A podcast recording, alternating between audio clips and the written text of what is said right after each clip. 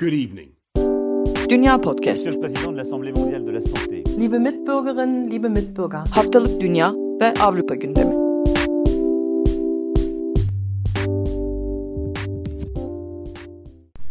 Herkese merhaba, ben Seda Karatabanoğlu. Dünya Podcast'in yeni programı Diyalog'un ilk bölümündesiniz. Bildiğiniz gibi biz haftalık yayın yapıyoruz ve haftalık programlarda süre kısıtı nedeniyle önemli gündemleri derinlemesine inceleme fırsatı bulamıyoruz. Diyalog'da Avrupa ve dünya gün, dünyada gelişen önemli olayları uzman konuklarımızla derinlemesine konuşmayı planlıyoruz. İlk konuğumuz gazeteci Celal Haddad. Kendisiyle bugün Fransa Bakanlar Kurulu'nda kabul edilen radikal İslam'la mücadele yasası olarak anılan ancak resmi adı e, Cumhuriyetçi ilkeleri güçlendirme yasasını konuşacağız. Hoş geldiniz. Hoş bulduk. Biraz geriden başlamak istiyorum. E, Macron ilk olarak bu yasadan 2 Ekim'de bahsetmişti. E, ancak daha öncesinde 2017'de bu yasadan e, söz etti. Bu yasa hangi ihtiyaçtan doğdu? İlk olarak bunu sormak istiyorum.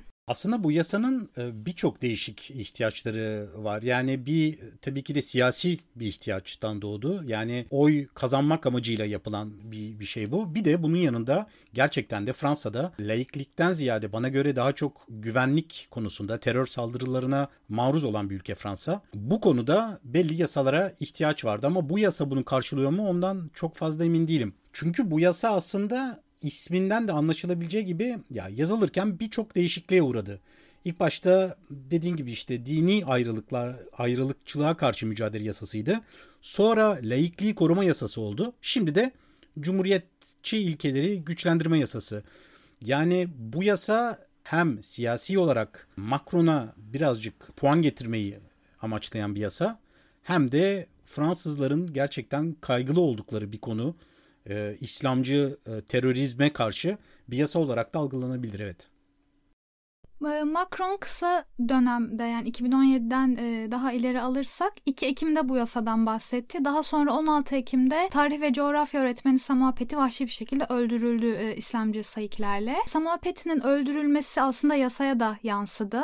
Paty'nin öldürülmesi yasada nasıl yer alıyor? Hangi değişikliklere neden oldu? Şimdi şöyle ilk başta Emmanuel Macron'un Müro konuşmasından yola çıkarak bunun haberini verdiği laiklik yasası ilk başta Samuel Paty cinayeti daha olmamıştı. Bu yasanın çıkacağını söyledikten söylediği konuşmadan sonra iki hafta sonra Samuel Paty öldürüldü ve bu haliyle birazcık evet bu yasaya yansıdı. Şöyle ki bu yasada birçok adresini ve telefonu yayınlamak suretiyle insanları hedef göstermek yasaklanıyor. Aslında şöyle bir şey var bu yasaya gerek yok çünkü bu zaten yasak. Ama bunu yine de biraz daha belki belirterek, biraz daha detaylandırılarak yani insanları hedef göstermek, adresini, iletişim koordinatlarını vermek yasaklanıyor. Yasa tasarısı Bakanlar Kurulu'na dün yani 9 Aralık'ta geldi. 9 Aralık aslında Fransa için önemli bir gün. 9 Aralık 1905'te evet. laiklik yasası kabul edildi. Laiklik yasasının yıl dönümünde Bakanlar Kurulu'nda kabul edildi ve önümüzdeki e, aylarda belki de Ocak'ta mecliste görüşülmesi planlanıyor. Hemen Bakanlar Kurulu toplantısı sonra sonrası başbakan bir açıklama yaptı ve e, bu yasa dinlere karşı özellikle İslam dinine karşı değil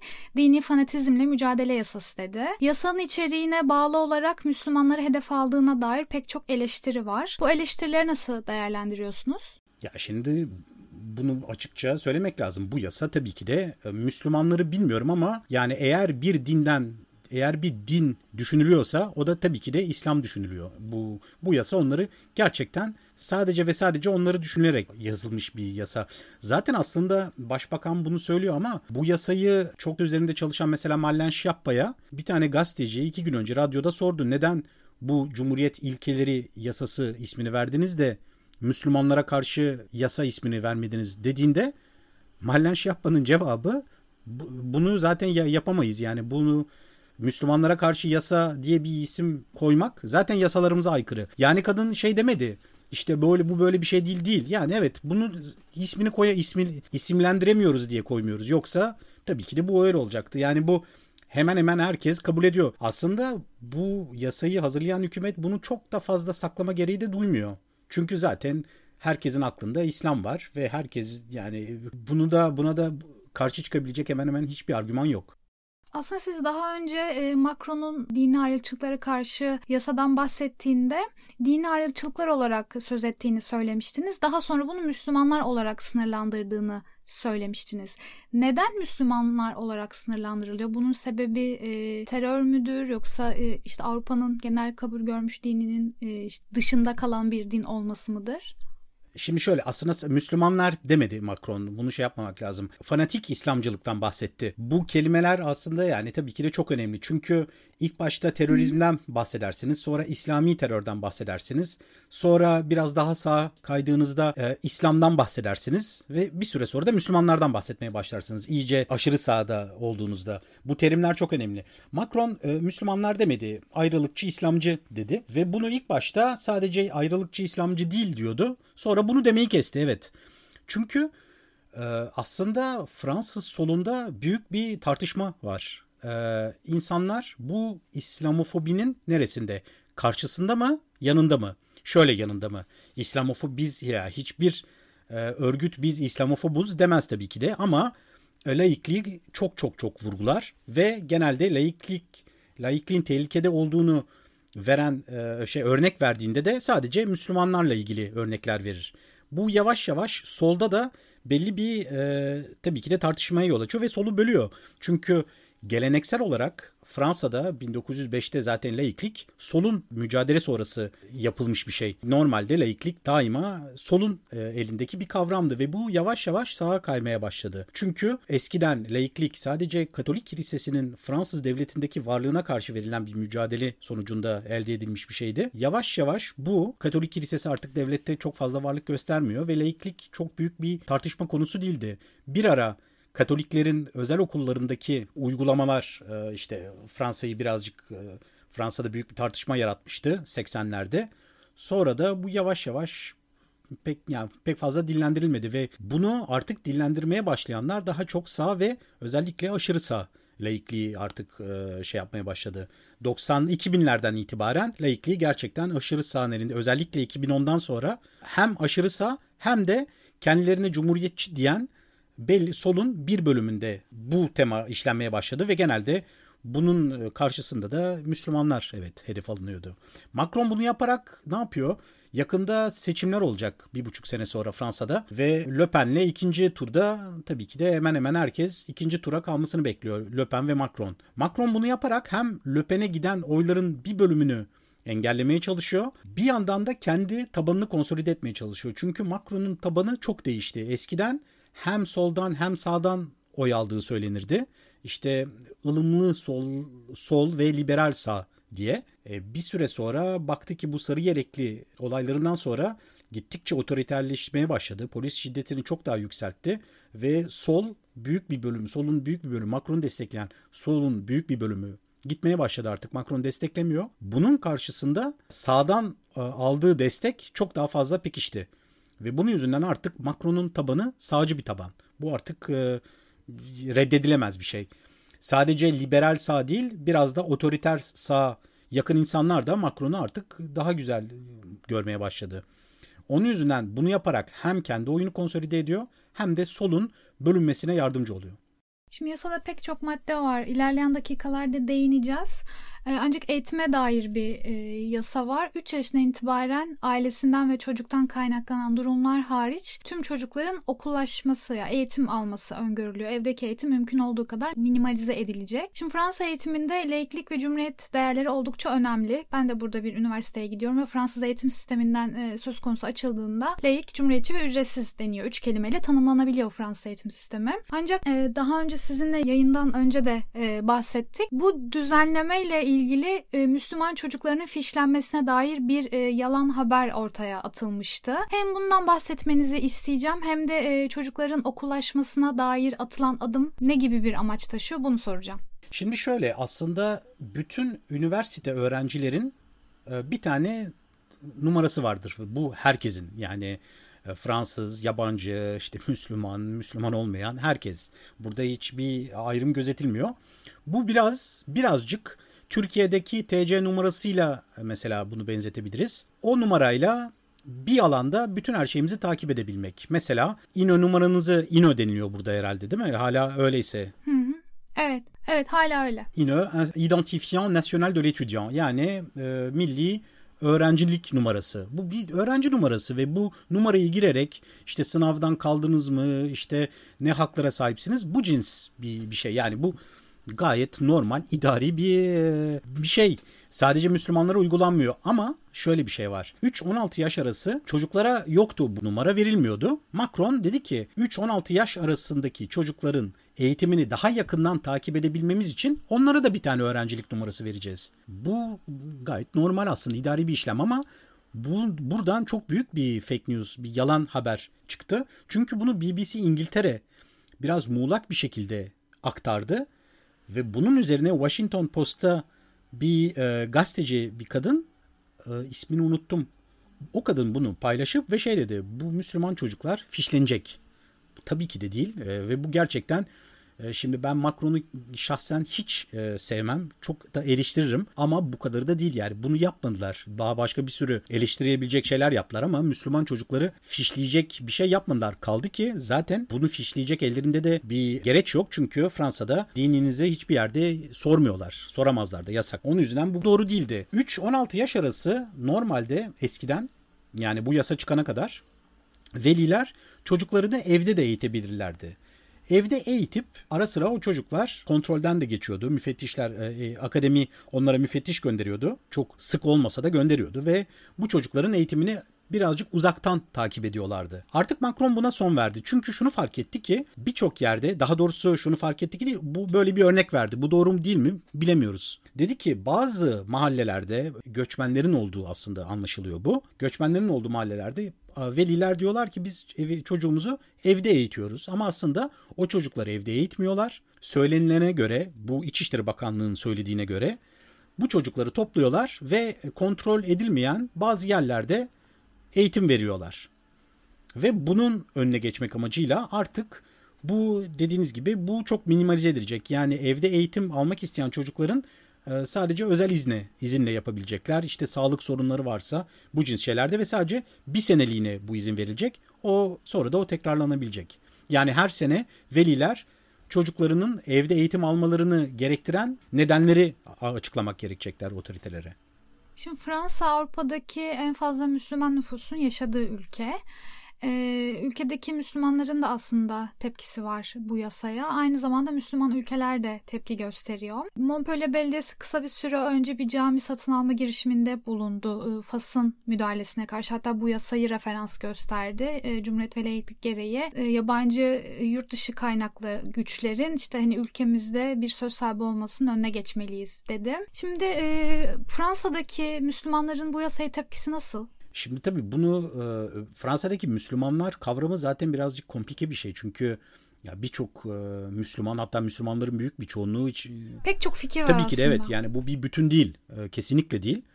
E, Fransa'da Müslüman dernekler var ve bu derneklerin e, bir bölümü yabancı ülkelerin güdüm altında. Mesela Türkiye, mesela Cezayir, mesela Fas ama özellikle Türkiye. Ya Türkiye bu konuda gerçekten çok örgütlü. Ama bu insanlar ne kadar e, ya bu dernekler e, Fransa'daki Müslümanların ne kadarını temsil ediyor? Bu zaten başı başına bir soru. Fransız sistemi zaten azınlık olarak tanımadığı için kimseyi e, Müslümanlar diye bir kavramdan bahsetmek zor. Sadece dediğim gibi Müslüman derneklerden bahsedebiliriz ve bu dernekler birçok değişik değişik tepkiler verdi. Aslında genel olarak tabii ki de çok fazla taraftarı değil bu yasaların. Bu arada sadece Müslüman dernekler değil, e, Katolik dernekler ve diğer dini dernekler de çok fazla yani diğer dinlere mensup dernekler de bu cins yasaları genel olarak pek fazla sevmiyor. Çünkü biliyorlar ki bugün Müslümanlara yapılan belki yarın bana da yapılabilir. Yani bu yasa aslında biraz malumun ilanı prensiplerden yola çıkıyor. Yani zaten yasak olan şeylerin yasaklanmasını biraz daha detaylandırıyor. Bu yasa bana göre kimseye korkunç bir zulüm gereci değil ama şöyle bir şey var. Eğer bütün bu malumun ilanı yasasını bir yasa içinde yaparsanız ve belli bir kitleye bir şekilde bakarak bunu yaparsanız evet bu çok hoş bir şey değil ve bu tabii ki de Fransa'daki İslamofobi, ırkçılığı da biraz daha pekiştiren bir şey maalesef. Şimdi yasayla yurt dışından gelen e, destekler 10 bin euro ve üzeri beyan zorunluluğu getirildi. Fransa uzun evet. vadede imamlarını Fransa'da eğitmek istiyor. Dışarıdan bir imam kabul etmek istemiyor. E, bu camiler de aslında derneklere bağlı. E, dernekler de dernekler kanunu kapsamında denetleniyor. Derneklerin sıkılaştırılmasının artırılması öngörülüyor bu yasada. Bu fiili yani fiilen nasıl uygulanacak, dernekler nasıl daha sıkı denetlenecek, e, buna dair detaylar nelerdir? Şimdi şöyle aslında bu zaten sorun orada. Yani bu yasanın kendisine bakıldığında ya korkunç bir şey yok yani evet kadın erkek eşittir evet e, e, işte kin ve nefrete karşı işte çağrılar yapmak iyi bir şey değil tabii tabii ki de bunu herkes kabul ediyor ama Burada siz idari idareye çok fazla e, güç veriyorsunuz. Mesela bir e, vali idari kararla bir ibadet yerini kapatabilir. Bunu ilk, insanlar ilk başta şey diyor tabii ki de eğer o dini yerde işte o ibadet yerinde terör propagandası yapılıyorsa tabii ki de kapatılması lazım ama neden e, vali değil de şey neden hakim değil de vali buna karar veriyor? Bu birazcık insanlarda bir soru işareti uyandırabilir. Aslında sorun bu. Yani Burada belli yasalar var ama yasa biraz da flu. Ee, yani her şey o kadar da belli değil. Mesela Cumhuriyet'in değerlerinden bahsediliyor. E peki değer nedir ki? Yani bu neden bir değerden bahsediliyor? İlke, ilkeyi anlayabilirim. İlke çünkü yasada yazılır. İşte ilkeler budur ama değerler yani ne kadar flu olursa e, idarenin vatandaşların üzerindeki e, hakkı e, şey yani gücü daha da fazla oluyor ve bu Tabii ki de bu antidemokratik bir şey. Yani idarenin gücü ne kadar yüksek olursa e, adaletten bahsetmiyorum, idareden bahsediyorum. Bu tabii ki de insanlar birazcık korkabilir. Bu yasa ilk gündeme geldiğinde özellikle Samuel Paty cinayetinden sonra aslında muhalefette iktidar destek e, açıklamalarında bulunmuştu kısmen de olsa. Ancak e, dün Bakanlar Kurulu'nda tartışıldıktan sonra e, işte aşırı sağ siyaseti e, uygulayan Le Pen bir açıklama yaptı ve Macron'un geçen hafta bir e, canlı yayına katıldığını anımsattı. Oradaki bazı sözlerini eleştirdi. Macron televizyon programında siyah ve Arap kişiliklerin tarihte önemli kişiliklerin bir listesini istediğini belirtti ve eğer beyaz ten rengine sahip değilseniz polis kontrolüne denk gelme ihtimaliniz o kadar yüksek dedi. Le Pen bu sözleri atıfta bulundu ve Macron'u e, bu yasa konusunda samimi bulmadığını söyledi. Sağ siyaset nasıl değerlendiriyor bu yasayı? Nasıl eleştiriyor? Hangi noktalarda destekliyor? Ya şimdi birincisi bu Macron'un o brüt medyasına yaptığı konuşmayı biraz değerlendirmek lazım. Bu konuşma ne zaman yapıldı? Bu konuşma hem yurt dışında gittikçe Fransa'ya karşı e, eleştirilerin dozunun yükseldiği bir anda yapıldı.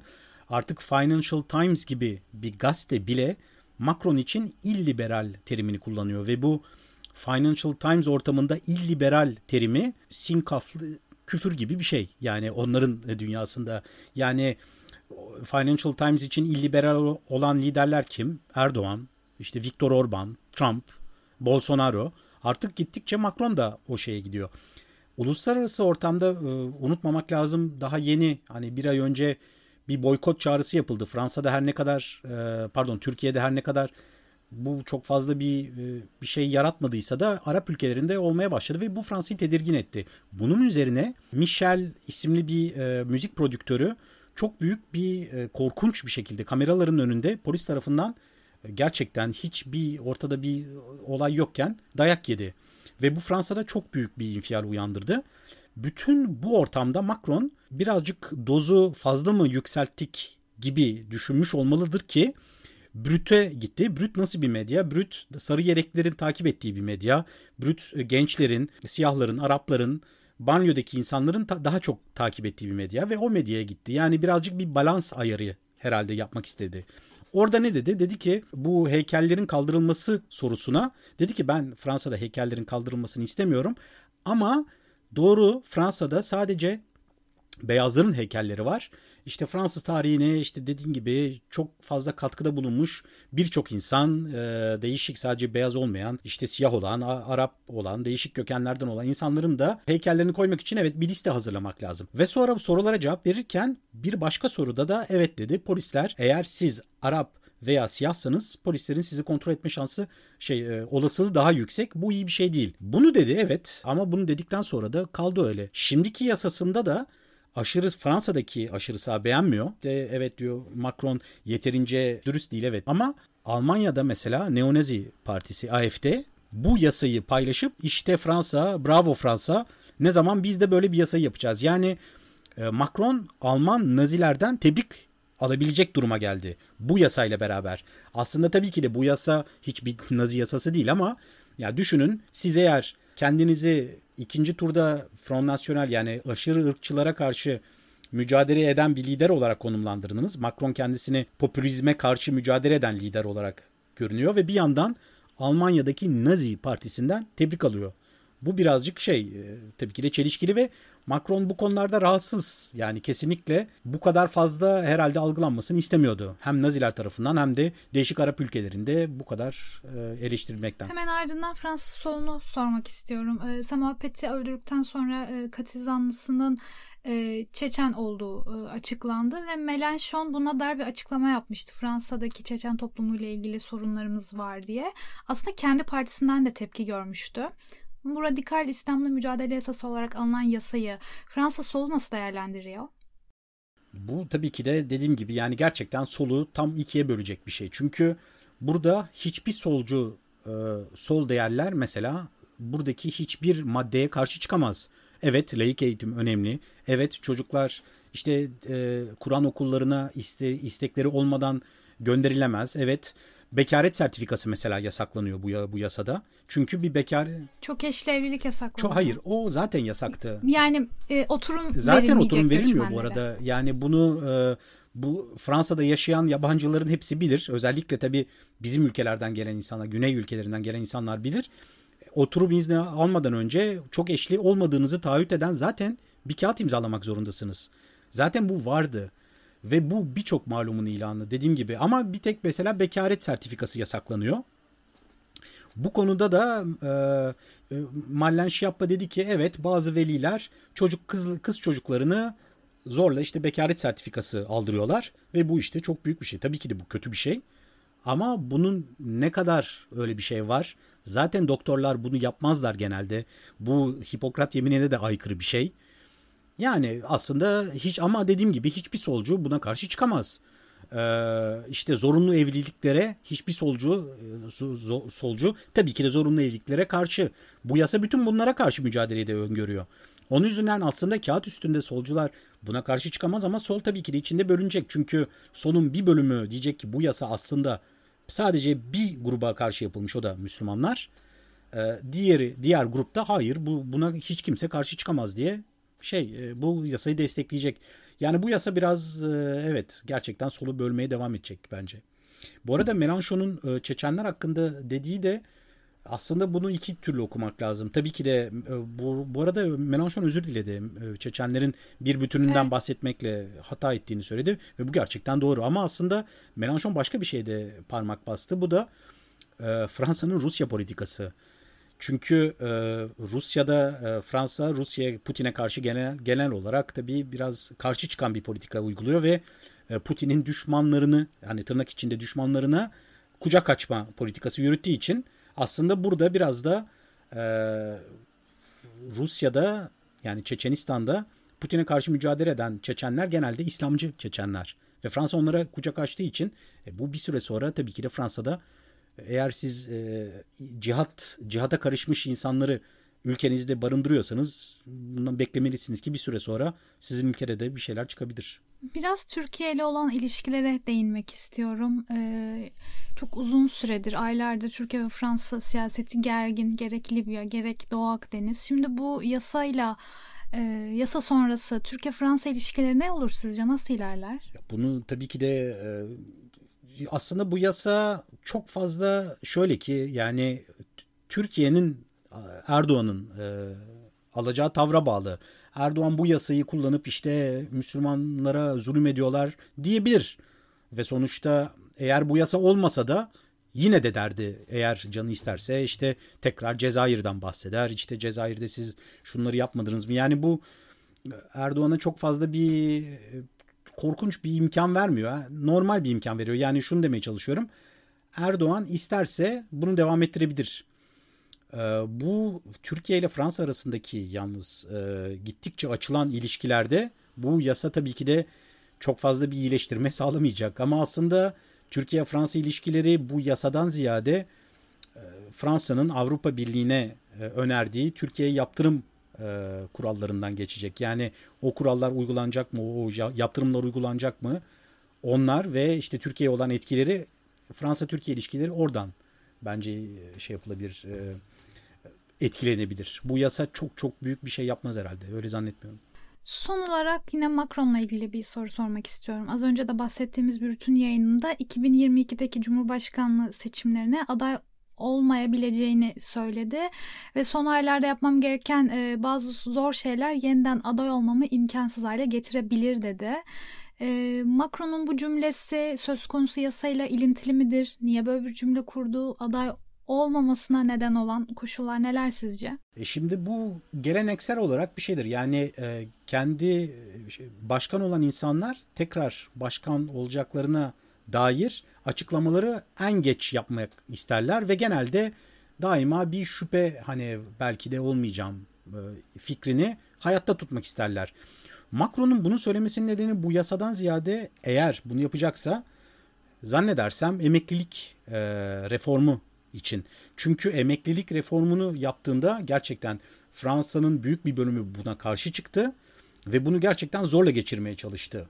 Ve sonra pandemi çıktığında bunu askıya almak zorunda kaldı. O reform da öyle yarım kaldı.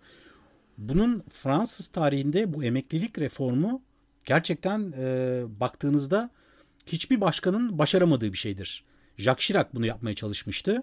Çok büyük e, tepkiyle karşı karşıya kalınca geri adım atmak zorunda kalmıştı. Ve Macron bu yasayı yaptığında bir gazeteci demişti ki eğer burada da e, bunu geçiremezlerse bu demektir ki Fransa'da hiçbir zaman hiçbir başkan emeklilik reformu yapmaya yeltenmeyecek. Yani bu emeklilik reformu kaldı. Macron bunu zorla geçirebilir. Evet çünkü elinde bütün e, işte mecliste çoğunluğu var. Hemen hemen her yerde bir şekilde bunu zorla geçirebilir. Bunu geçirdikten sonra biraz kamikaze bir hareket yaparak bunu zorla geçirip e, buradan e, doğulacağı popülarite kaybını boş verip nasıl olsa bir daha aday olmayacağım diyebilir. Yani ben bunu böyle değerlendiriyorum.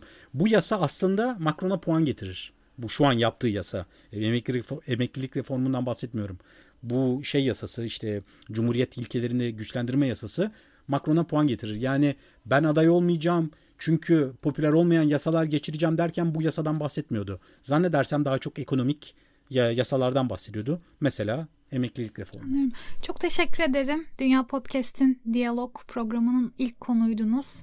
Çok keyifli bir programdı. Ben teşekkür ederim. Gerçekten çok sağ olun. Görüşmek üzere. Hoşçakalın. Hoşçakalın. Good evening. Dünya Podcast. Monsieur le Président de l'Assemblée mondiale de la santé. Liebe Mitbürgerinnen, liebe Mitbürger. Haftalık Dünya ve Avrupa gündemi.